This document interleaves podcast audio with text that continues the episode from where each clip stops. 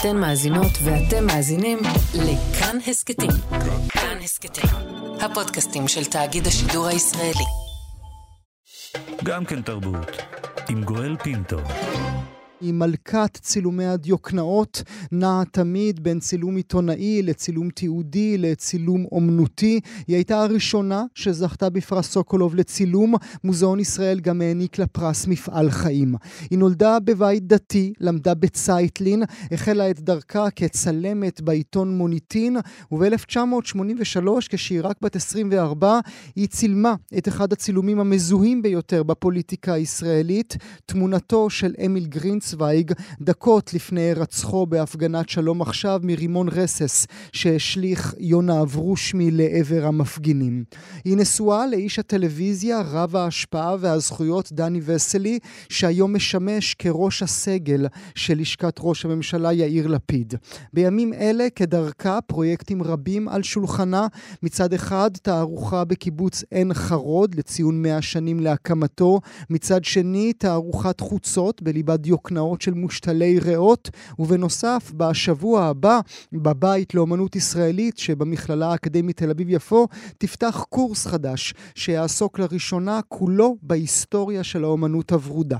אני שמח לארח כאן אצלנו באולפן לשיחת אחד על אחת את הצלמת ורדי כהנא. שלום ורדי. שלום. אפשר רק להידרדר מפה, מהמחמאות האלה. את יודעת, חשבתי ו- והתכוננתי רבות לראיון בינינו, ותהיתי דווקא לא על הבית, לא על הבית ממנו הגעת. תהיתי על אמיל גרינצוויג.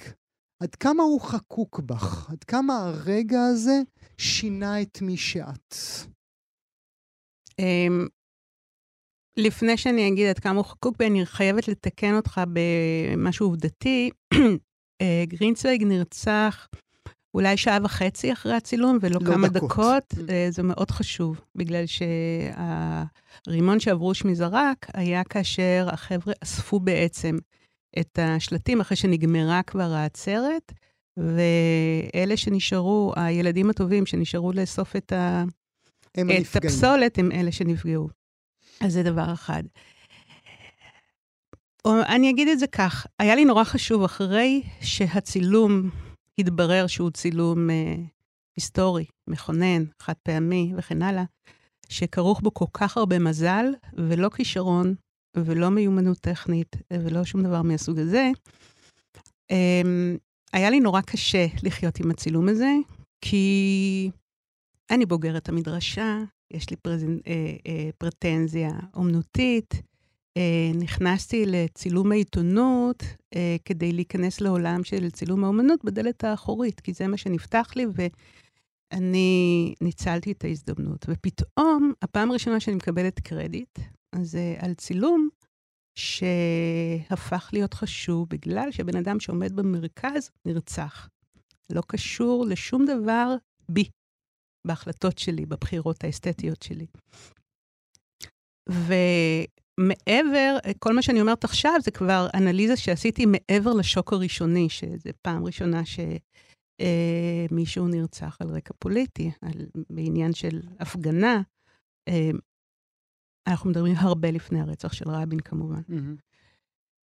וההחלטה הייתה לא להתפרנס מהצילום הזה. זו הייתה ההחלטה הראשונה. זאת אומרת, אני הפצתי את הצילום הזה בלי סוף בכל העולם. אה, באיזשהו שלב אה, הדפסתי, היה איזה, הייתה איזושהי תערוכה אמ, שמיכל היימן עצרה, שהיא ביקשה ממני את הדימוי הזה, וזו הייתה הזדמנות מצוינת להפוך אותו לגלויה. פשוט גלויה, וכל מי שרוצה פשוט לוקח את הגלויה על כל המשתמע. זאת אומרת, לקחת את זה ולזכור את המעמד הזה, לזכור את הרצח הפוליטי הראשון, נגיד אחרי רצח ארלוזורוב, שכמו שאנחנו למדנו ב... Mm-hmm.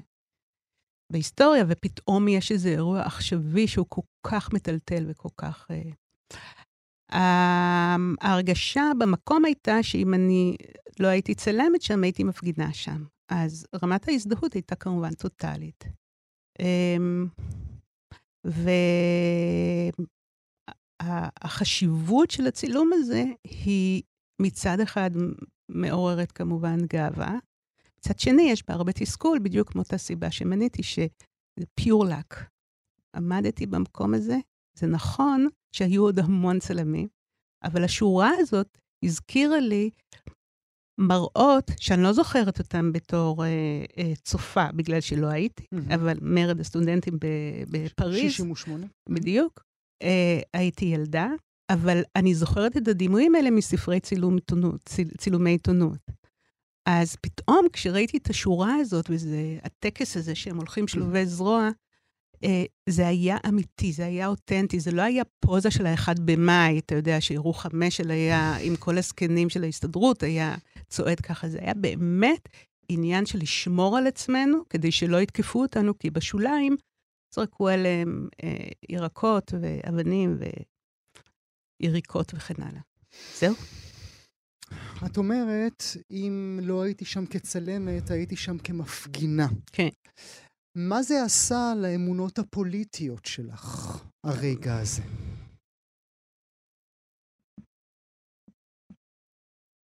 אני לא חושבת שזה שינה את האמונה הפוליטית שלי, רק זה גרם לי להבין שאפשר להירצח פה, בגלל uh, שהאמונה שלך לא פוגשת בדיוק את הבן אדם האלים שמולך. זה לא העצים את האמונה הפוליטית, זה לא לקח אותך יותר אל הקיצון אפילו של שלום עכשיו. א', שלום עכשיו זה לא קיצון, בוא. ו...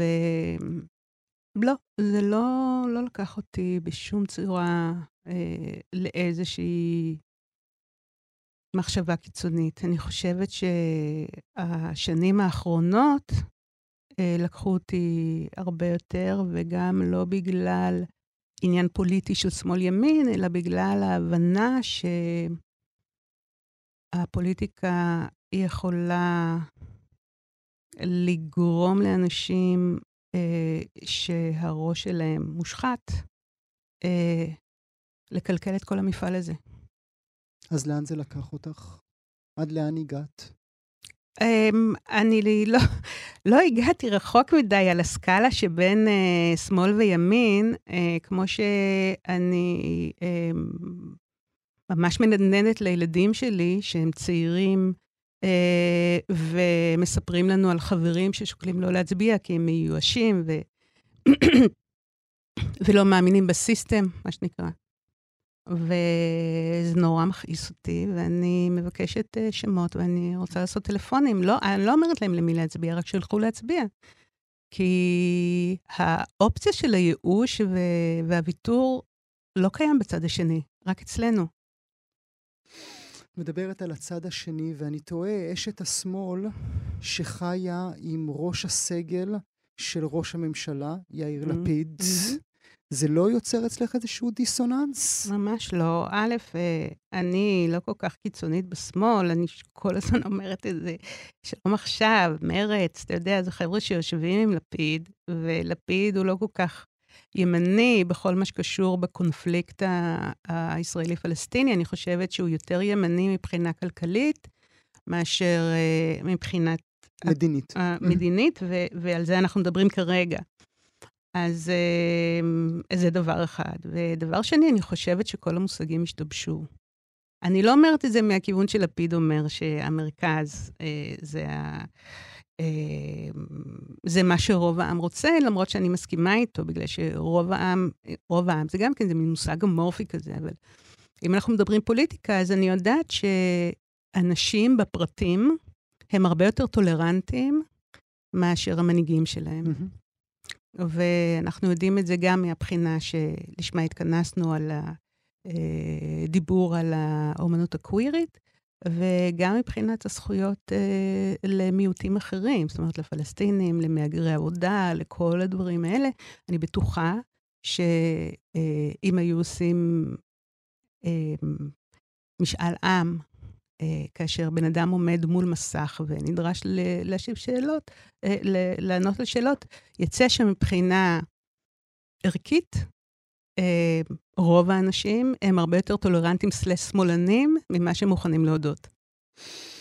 את לוחשת על אוזנו של בעלך? הוא לא צריך אותי בשביל זה. לוחשת לו מילות אהבה, כן, זה כן. אבל לא מילות פוליטיות. לא, תראה, יש כמובן דיבור אתם, בבית. כי אתם מאוד, מאוד קשורים זה בזו. זה נכון, ואין בינינו איזה פער תאומי מבחינה אידיאולוגית, זה ממש לא שם. למרות שהוא עובד עבור ראש הממשלה יאיר לפיד. א', הוא עובד עבור כולנו, וראש הממשלה עובד עבור כולנו, וגם עבור מי שלא הצביע עבורו, ואין את הדבר הזה, אה, עובד עבור פרסונה. אין, אין את הדבר הזה. אתה יודע, דני היה כבר... אה, דני ויאיר, אם אני יכול לקרוא לו יאיר, זה, זה חברות של עשרות שנים. נכון. של עבודה של עשרות שנים. נכון, ומכיוון שלשר וראש הממשלה יש אה, את הזכות להביא אה, מספר אנשי אמון מחוץ למערכת, אז דני הוא איש כזה עבור לפיד, עבור ראש הממשלה. וזה באמת חברות שהולכת הרבה זמן, אבל דני לא היה הולך ל... לדבר הזה אם הוא לא היה מאמין בצדקת הדרך. Mm. זאת אומרת, זה לא איזה ג'וב, זה לא איזה הרפתקה. לא אמרת לו לא? לא אמרת לו מה, מה אתה פתאום? צריך את זה על הראש? למה? זה, א', אני מרגישה מאוד טוב שהוא נמצא בפוזיציה הזאת. מבחינ... שוב אני אומרת, לא מבחינת הכבוד, אה, יש בזה המון מחויבות ו-24-7 עבודה, אבל uh, אני מרגישה מאוד טוב בגלל שאני מאוד סומכת על שיקול הדעת שלו, על הרוגע שלו, על הפרספקטיבה של הזמן שלו. הוא לא ילד, דני. האמת היא שהוא היה ליטרלי בדרך אל הפנסיה רוכב על סוסתו אל האופק, ואז יאיר הרים טלפון ואמר לו, תקשיב, אני הולך לפוליטיקה ואני רוצה שתבוא איתי. וככה זה היה. זה היה כבר הרבה אחרי שהוא היה מפיק טלוויזיה, כן? וה, והבית בעצם, אולי, אפילו לא הבית, את יודעת, החיבור ביניכם mm-hmm. לא הפך פתאום לסוג אחר של זוגיות, כי הבית מבצר, שיחות הטלפון שלפני כן יכולת לשמוע עם יצפן ויאיר, עכשיו הוא נכנס לחדר, אה, כן. עכשיו הוא נכנס לחדר כן. ונועל את הדלת, ואולי זה בשתיים לפנות בוקר, וזה יוצר איזשהו מקום אחר של זוגיות בתוך הדבר עצמו. תראה, אבל זה, זה נורא טכני, זה לא עקרוני, זאת אומרת, השינוי הוא טכני. אה, אם חזרנו עכשיו מחופשת חג, אז דני חזר לפני כולם, בגלל שהוא נקרא לדגל, אה, אז הוא היה צריך אה, לחזור כמה ימים קודם. אה, אם זה באמת שיחות, כמו שאתה מתאר את זה בדיוק, אז, אז יש שיחות שהוא נכנס לחדר, כי אני לא צריכה לשמוע על מה הוא מדבר. אבל זה טכני. שום דבר במהות לא השתנה. בתוככם. בוודאי. אין את הסקרנות על מה דיברת עכשיו? אני יודעת את הגבולות שלי. איפה הפצצנו עכשיו? לא, אני יודעת את הגבולות שלי, זה בכלל, האמת, גואל, מפתיע אותי שאתה שואל. וואי, אני הייתי הורג את בעלי, כל שנייה הייתי שואל אותו. אין מצב, אתה, איך שמגיע, איך שהג'וב הזה נכנס הביתה, אתה מתנהג בהתאם. אתה מבין שזה לא דחקה, זה לא משחק ילדים. זה שיא רצינות, שיא ההתכוונות. אה, דני יודע דברים שאני לא אמורה לדעת. אין לי צורך, זה. כן, אין לי צורך גם. בואי נלך לבית אחר, הבית בו גדלת. כן. איזה מין בית זה היה? אני עצמי אומר, ואני יודע את הפרט הביוגרפי הזה, בית דתי. מה זה אומר, הבית הדתי בו גדלת? אני גדלתי בבית דתי מפדלי, מפדלי, של פעם. מפדלי של... בורג. בורג האבא. כן. לא, בורג האבא. לא אברום. Mm-hmm. אה, בית מבדלי. כמה מים, נכון? המון. כמה מים מבורג האבא למה ש... אני הייתי בבני עקיבא, אה, תל אביב סניף מרכז, שבט כיסופים. אמ, לא שוכחים, אה? לא. אני עשיתי שירות לאומי ולא עשיתי צבא. אני הייתי ארוסה מזה, אבל אימא שלי זה היה וטו שלא יכולתי להתווכח איתו. אבל, יחד עם זאת, אני גדלתי בתל אביב, להיות דתי בתל אביב זה לא להיות דתי בירושלים. להיות דתי בתל אביב זה ללכת לקולנוע פריז במטינה ביום שישי ולרוץ כמו טיל, הביתה שבת. לכניסת שבת, אוקיי? אה, להיות תל אביבי זה אה, ללכת למוזיאונים, ללכת לחוג לנוער שוחר אומנות במוזיאון תל אביב, שזה היה קורסים בלנה רובינשטיין. אה, מגיל נורא צעיר, אה, אימא שלי זיהתה אצלי את הכישרון, ואני חושבת שמכיתה ד' אני עוסקת באומנות. זאת אומרת, אני אה, למדתי שיעורים פרטיים וחוגים וכן הלאה. אה, ורק כשבגרתי, כשהגעתי למדרשה, בחרתי בעצם במצלמה. אבל אני הייתי אמורה להיות, לעבוד עם קנבס ו- וצבעי שמן. Mm. זה מה שחשבתי שהייתי. כך שהפלורליזם הזה הוא קשור גם לעובדה שגדלתי בתל אביב, ו... ודתיים תל אביבים הם אחרים. אני לא חציתי את הכביש, Mm. או יותר נכון, המעבר שלי אל העולם החילוני, הוא היה דרך מעבר חצייה. אני לא רצתי והתפרצתי לאיזה אה, מקום מגודר אחר, או פרצתי איזה גדר. אתה יודע, זה היה משהו טבעי ואיטי. אבל היה, אבל היה את הפעם הראשונה שהדלקת ברור. בה את האור כן. בשישי בערב. כן, זוכרת? בוודאי. אה, אני זוכרת את זה, אני זוכרת את הפעם הראשונה שאכלתי סטייק לבן. זוכרת. בטח. בטוחה שהשמיים... בסטיקיית מי ומי בבוגרשוב, פינת פינסקר. כן. והיה אח טעים? שלי דרדר אותי, אחי הגדול. כן? כן. היה טעים? היה רגיל, היה סתם, כאילו, על מה עושים עניין? Mm, כן. בשביל זה חיללתי. בשביל כן. זה... כן. לא, זה... תראה, את הרציונל לעזיבה אתה עושה אחר כך, כשאתה יותר בוגר.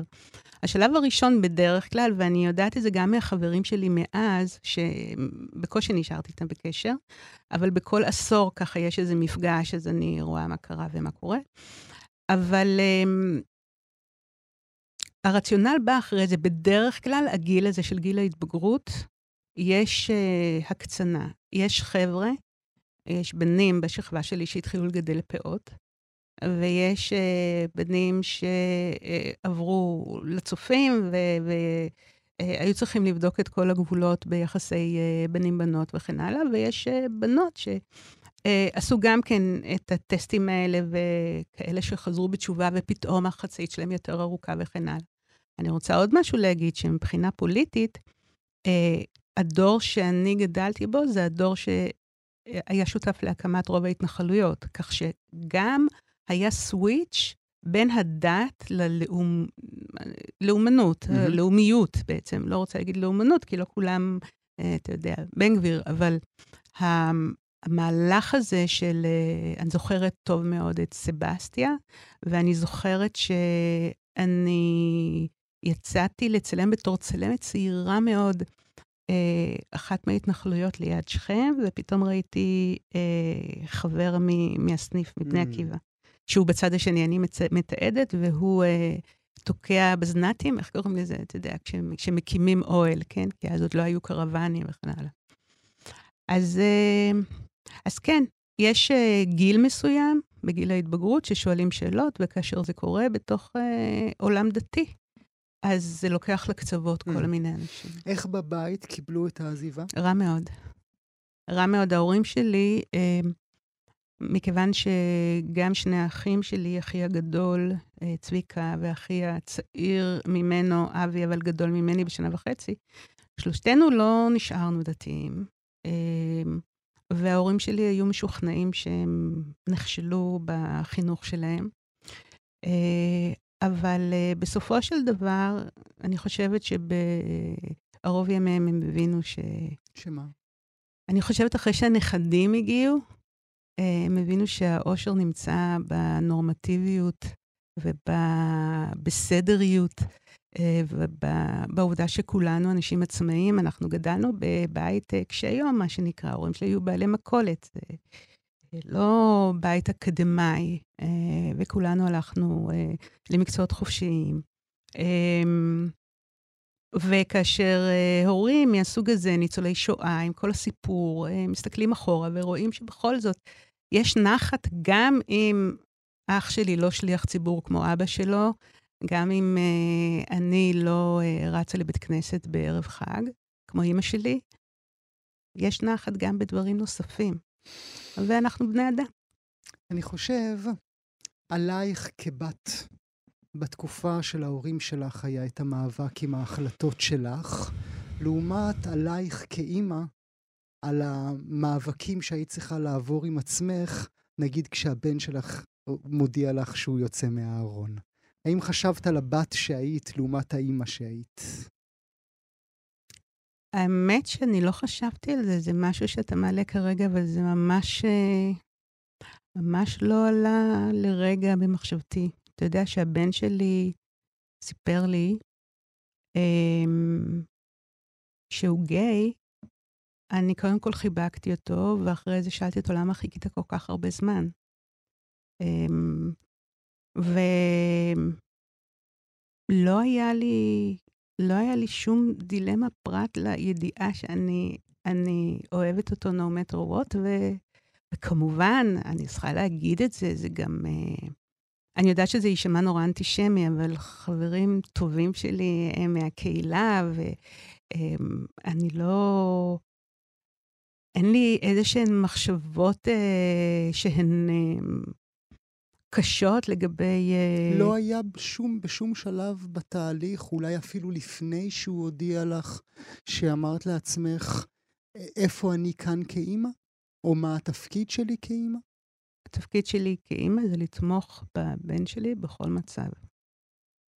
אבל לא רק זה, היה לי גם חשוב מאוד לבשר למשפחה שלי. הוריי כבר לא היו בחיים, אבל היה לי מאוד חשוב uh, to spread the rumor. להנכיח. אה, בצורה, לא, בצורה שהיא לא תהיה רכילותית, אלא שכן, זה נכון, ו- ואין לנו עם זה בעיה. ואם למישהו מהמשפחה יש עם זה בעיה, אז יש לו בעיה איתי.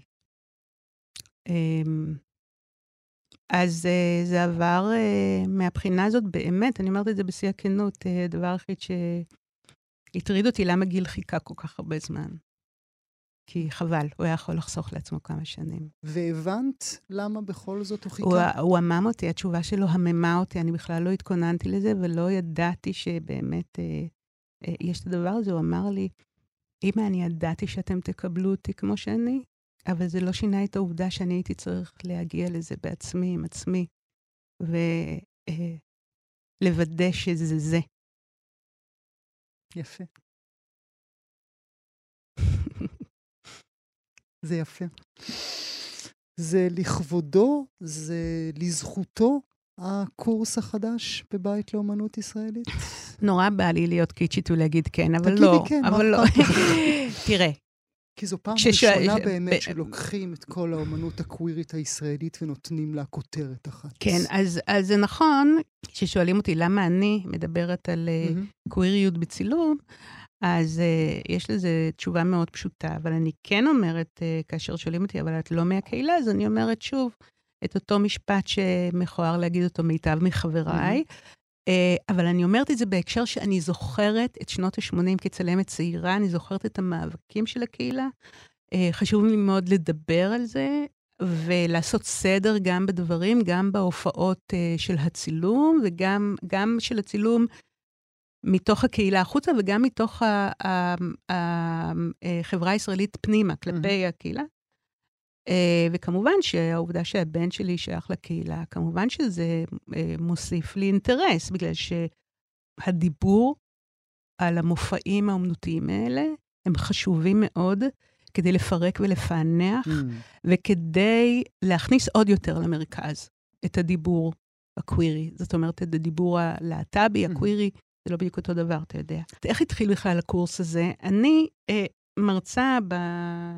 בבית לאומנות ישראלית, שהוא אה, במכללה האקדמית אה, תל אביב-יפו, כבר עשיתי כמה הרצאות, אה, קורסים ש, שהם בעצם הרצאות בקריאה של הצילום הישראלי. מה שמעניין אותי כצלמת זה הישראלים והישראליות, mm-hmm. אוקיי? ו- וזה לא משנה איזה פרויקט אני לוקחת, זה העניין. תמיד. ומה שמעניין אותי כצופה בצילום, כמנסה להבין את הצילום, זה ההתפתחות של הצילום הישראלי, במיוחד של הפורטרט הישראלי. הפורטרט הישראלי מעניין אותי יותר מכל mm-hmm. ציל, צילום נוף. מלכת הדיוקנאות קראתי לך. כן, אוקיי, זה, אבל... זה, זה, זה עצר אותך כשאמרתי את זה. זה מביך אותי, כי זה mm, גדול, mm-hmm. אבל, אבל כשאני מדברת על צילומים של אחרים, של הקולגות שלי, של צלמים שגדלתי לאורם, mm-hmm. של מיכה. של מיכה ועוד לפני כן, של מיכה ברם, של דויד רובינגר, אם אנחנו מדברים על הצילום הפוטו-ג'ורנליסטי, אבל מה שמעניין אותי בצילום הישראלי זה האתוס של הגבורה, mm-hmm. האופן שבו זה נבנה, ומה שקרה זה שנתתי, באחד מהקורסים האלה, נתתי פרק שמדבר על השבר של האתוס הזה, והוא הוביל אותנו לדימויים קווירים שמאתגרים את האתוס הזה. עדי נס וכן הלאה. Mm-hmm. וההרצאה הבודדת הזאת הייתה כל כך מוצלחת, שעידית עמיחי, שמנהלת את uh, הבית, uh, ביקשה ממני... לפתח את זה. לפתח קורס שלהם. אמרתי, אני לא יכולה לעשות את זה לבד, כי אני יודעת uh, לדבר, uh, אתה יודע, uh, בשישה קורסים, או בשש הרצאות או שבע, אבל... Uh, שותף איתי גלעד, אה, גלעד פדווה, פדווה mm. דוקטור גלעד פדווה, שהוא חוקר תרבות ומגדר ומיניות, והוא ייתן את הפן של התרבות באמת, אה, הקולנוע והתרבות הפופולרית. אבל למה זה חשוב? תגידי לי, למה זה חשוב בראי הישראליות, או כמו שאת תמיד עושה, מה שמעניין אותך זה אנחנו כבודדים ואנחנו כתרבות. מה אני יכול ללמוד מכל הרצף הזה, שאולי מתחיל, נגיד, ב... אה, צילום סמי עירום של אביב גפן. או, אז בצילום סמי עירום הזה, שהוא מ-93, אה, אביב היה קוויר, זאת אומרת... לגמרי. זה, זה היה, זה הייתה תדמית שהוא לא הלביש על עצמו, אלא הוא היה כזה. אה, בעצם... זה תקופת אנחנו דור מזוין? זה עוד טיפה לפני, mm. זה ממש בהתחלה.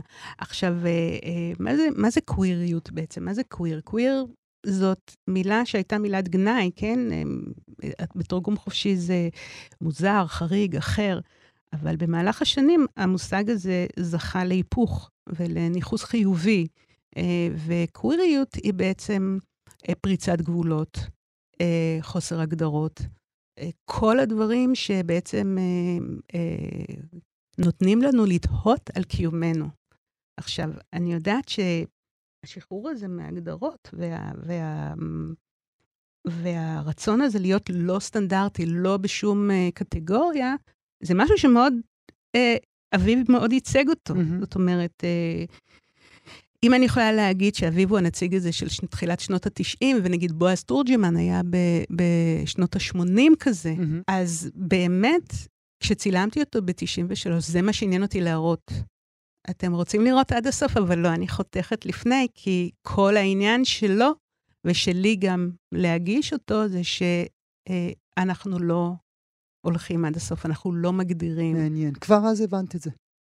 זה נורא אינטואיטיבי, גואל. כן. זה לא איזה, אתה לא רץ עם אג'נדה.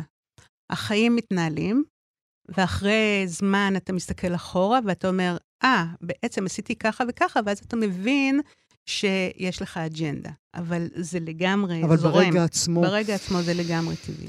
אני, אני, עושה, אני עושה חיבור גס, אבל אני מתכוון לו. ההפוך של אביב גפן הקוויר, שהיום אנחנו יודעים לאן, לאן, לאן הוא הגיע ועד כמה הוא השתנה. הוא כל כך הגיע לקונסנזוס שהוא כבר מאיים לעבור לצד השני. כן. ההיפוך זה ראש הממשלה עם סיגריה בפה, שגם זה לא, צילום איקוני שלך, זה... שהוא uh, מין, מה נגיד, הוא מין... מרלון ברנדו? כן, ג'יימס דין כן, כזה, כן, מאלה כן, של כן, פעם, נכון. הורס, הורס, כן. עם הסיגריה ככה ב... זה ההיפוך של לא, אביב? לא, זה לא ההיפוך של אביב, זה מה שלפיד אה, היה אז. אה, אני רוצה להזכיר, זה גם צולם ב-92, אפילו שנה לפני אביב. אה, הקולב לצילום הזה, כי בצילום מגזין תמיד יש איזשהו קולב, צריך mm-hmm. לקדם משהו. Mm-hmm. ו... והיתרון שלי כצלמת שעבדה במגזין זה שבעצם קיבלתי space לצלם מה שאני רוצה, אבל אמרו לי את מי לצלם. Mm-hmm. זה היה, זה היה ה-give and take. והיופי היה שיכולתי לשחק עם המצולמים שלי אה, ולהלביש עליהם דימויים שאני דמיינתי, אבל זה מתאים גם לכותרת של הריאיון, mm-hmm. אוקיי? ויאיר לפיד היה אז כוכב קולנוע מעבר לים mm. של... גולדווסר. גולדווסר.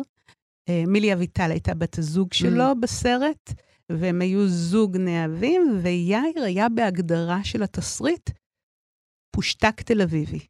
אוקיי. Okay. והפושטק התל אביבי זה אותו דימוי של um, בחור עם ברלנטין בשיער, משוך אחורה וסיגריה מלבורו, אז עוד לא היה, זה היה פוליטיקלי מאוד לעשן. Uh, ופשוט לקחתי את זה one step ahead, הרטבתי אותו, שמתי לו את הסיגריה ככה על השריר, mm-hmm, מקופלת, uh, כמו שזכרתי בקולנוע את מרלון ברנדו. ו... וזהו, הדימוי הזה מאוד התאים. הוא היה אז אה, פזמונאי צעיר, עיתונאי שכבר אה, היה בגיל מאוד צעיר, הוא התקדם מהר מאוד לעמדה של עורך וכן הלאה, ופתאום נוסף לו הטייטל הזה של מובי סטאר. Mm. וזה מאוד התאים. אז אני חושב עלייך ועל העבודה הרבה שעשית במשך עשרות שנים, מלכת הדיוקנאות קראתי לך, ואני חושב על האני ליבוביצים של העולם, ליבוביציות של העולם, ואני תוהה אם אתן יוצרות מציאות משלכן. מה אתן עושות בעצם? אמ, יש עבודות שהן קומישן, זאת אומרת, עבודות מוזמנות. גם כשאני מצלמת מושתלי ריאה, זו עבודה מוזמנת. זאת אומרת, הזמינו אותי מהמחלקה להשתלות ריאה בבלינסון, do my thing, mm-hmm, כאילו. Mm-hmm. ואז אני חושבת איך אני בעצם מצלמת סדרה של דיוקנאות, בלי להראות את, כמובן, את העניין ה... הפרוצדורה הבריאותית, אבל שאנשים יבינו כאשר הם רואים את זה פרוס. כאשר אני מצלמת את המשפחה שלי, mm-hmm. אני מספרת סיפור על הארץ. זאת אומרת, אני רוצה להראות איך משפחה אחת, על כל הפזורות שלה, וזה רק משפחה אחת, זה mm-hmm. לא, אין שם שום טרמפיסטים.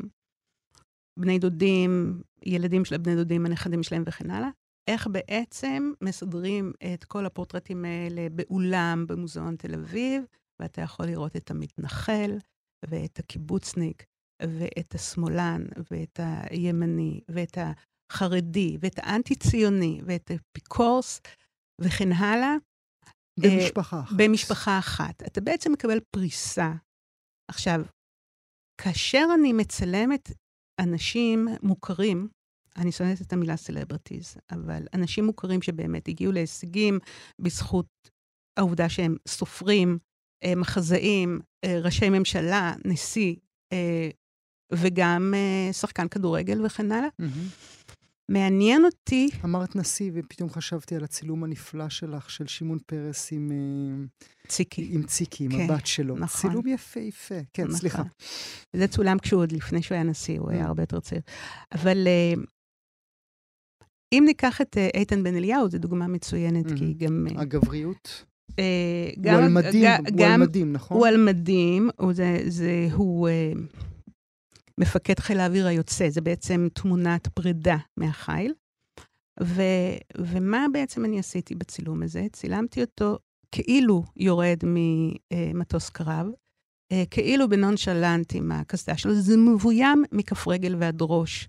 קבענו במקום מסוים במרכז הארץ, בבסיס חיל אוויר, אה, מטוס שעמד מקורקע בכל מקרה, ו- ואיתן בן אליהו הגיע ולבש את המדים שלו ואת הקסדה האישית שלו, כי הוא ידע שאם זה יהיה פוסטר, כמו שאני דמיינתי לו, זה גם יקבל מקום בעיתון, אז זה ווין ווין. זאת אומרת, גם אני מרוויחה כצלמת, גם הוא מרוויח כמרואיין.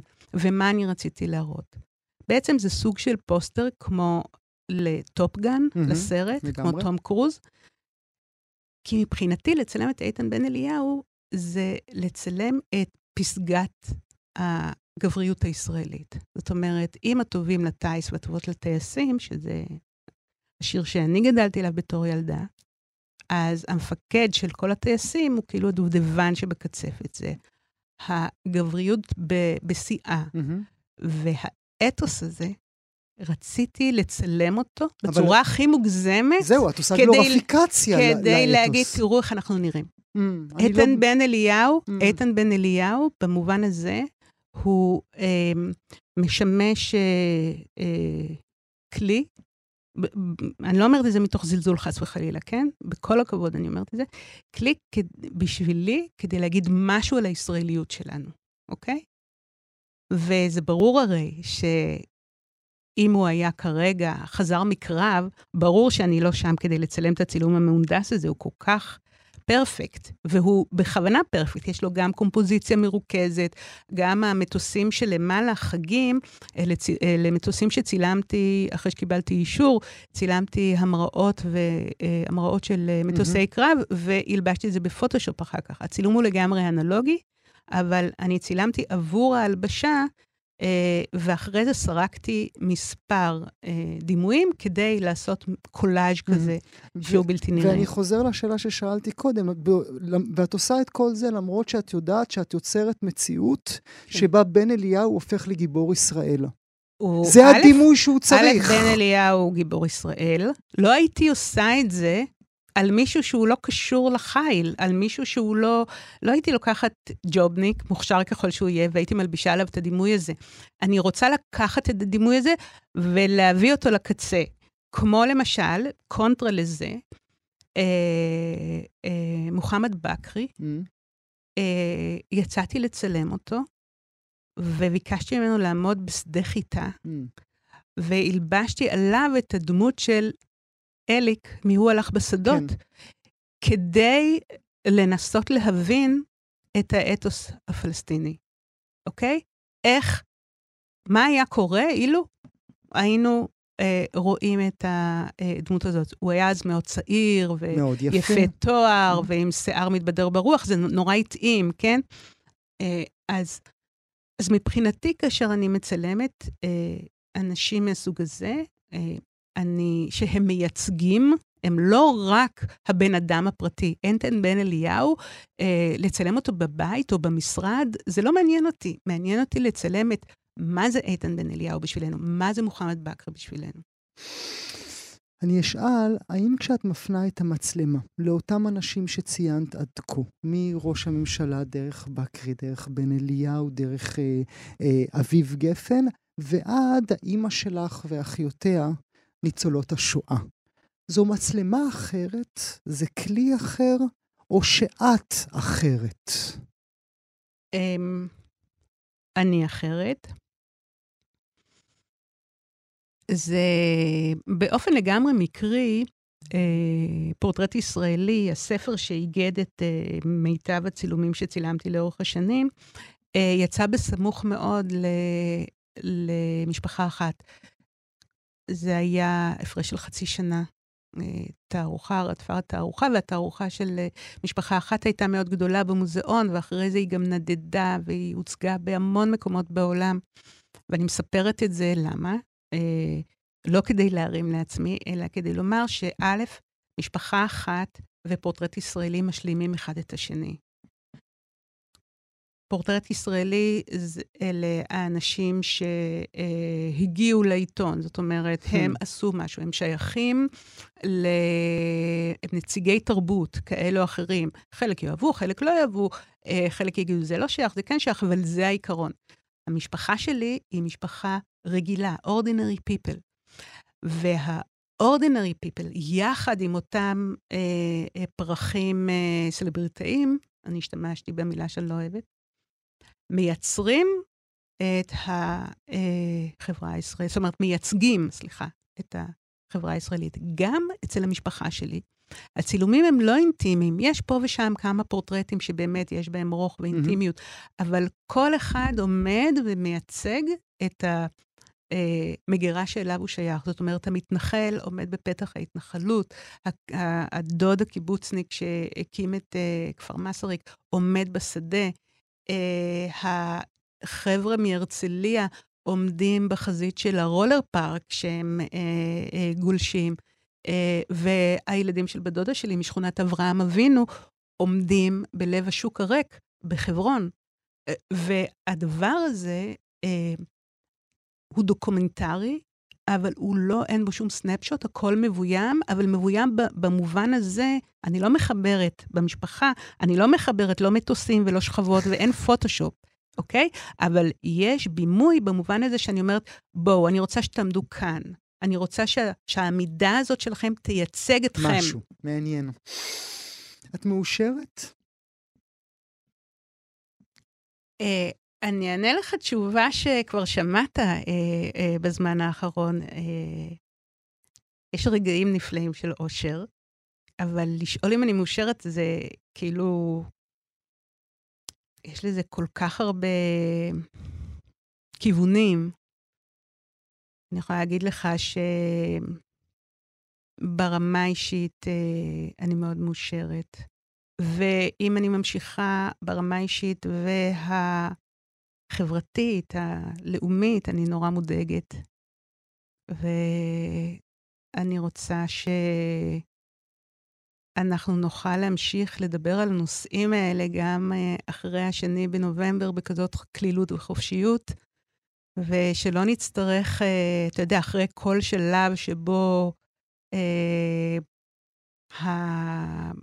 הנושא הקווירי הלהט"בי, אה, אחרי כל הישג אה, פוליטי, אני, אני ככה מרשה לעצמי להגיד, בעיקר בגלל שאני לא בוגרת לימודי מגדר, אז אני יכולה להיות יותר אמורפית ולהגיד, הקוויריות היא כאילו נשגבת, והלהט"ביות היא היומיום. זאת אומרת, המאבקים הלהט"בים הם על uh, שוויון uh, uh, כדי להקים משפחה ולקבל את הזכויות ולקבל ירושות וכן הלאה, לעמוד שווה בפני החוק, להיות בתוך המגדר, הגדר הזאת.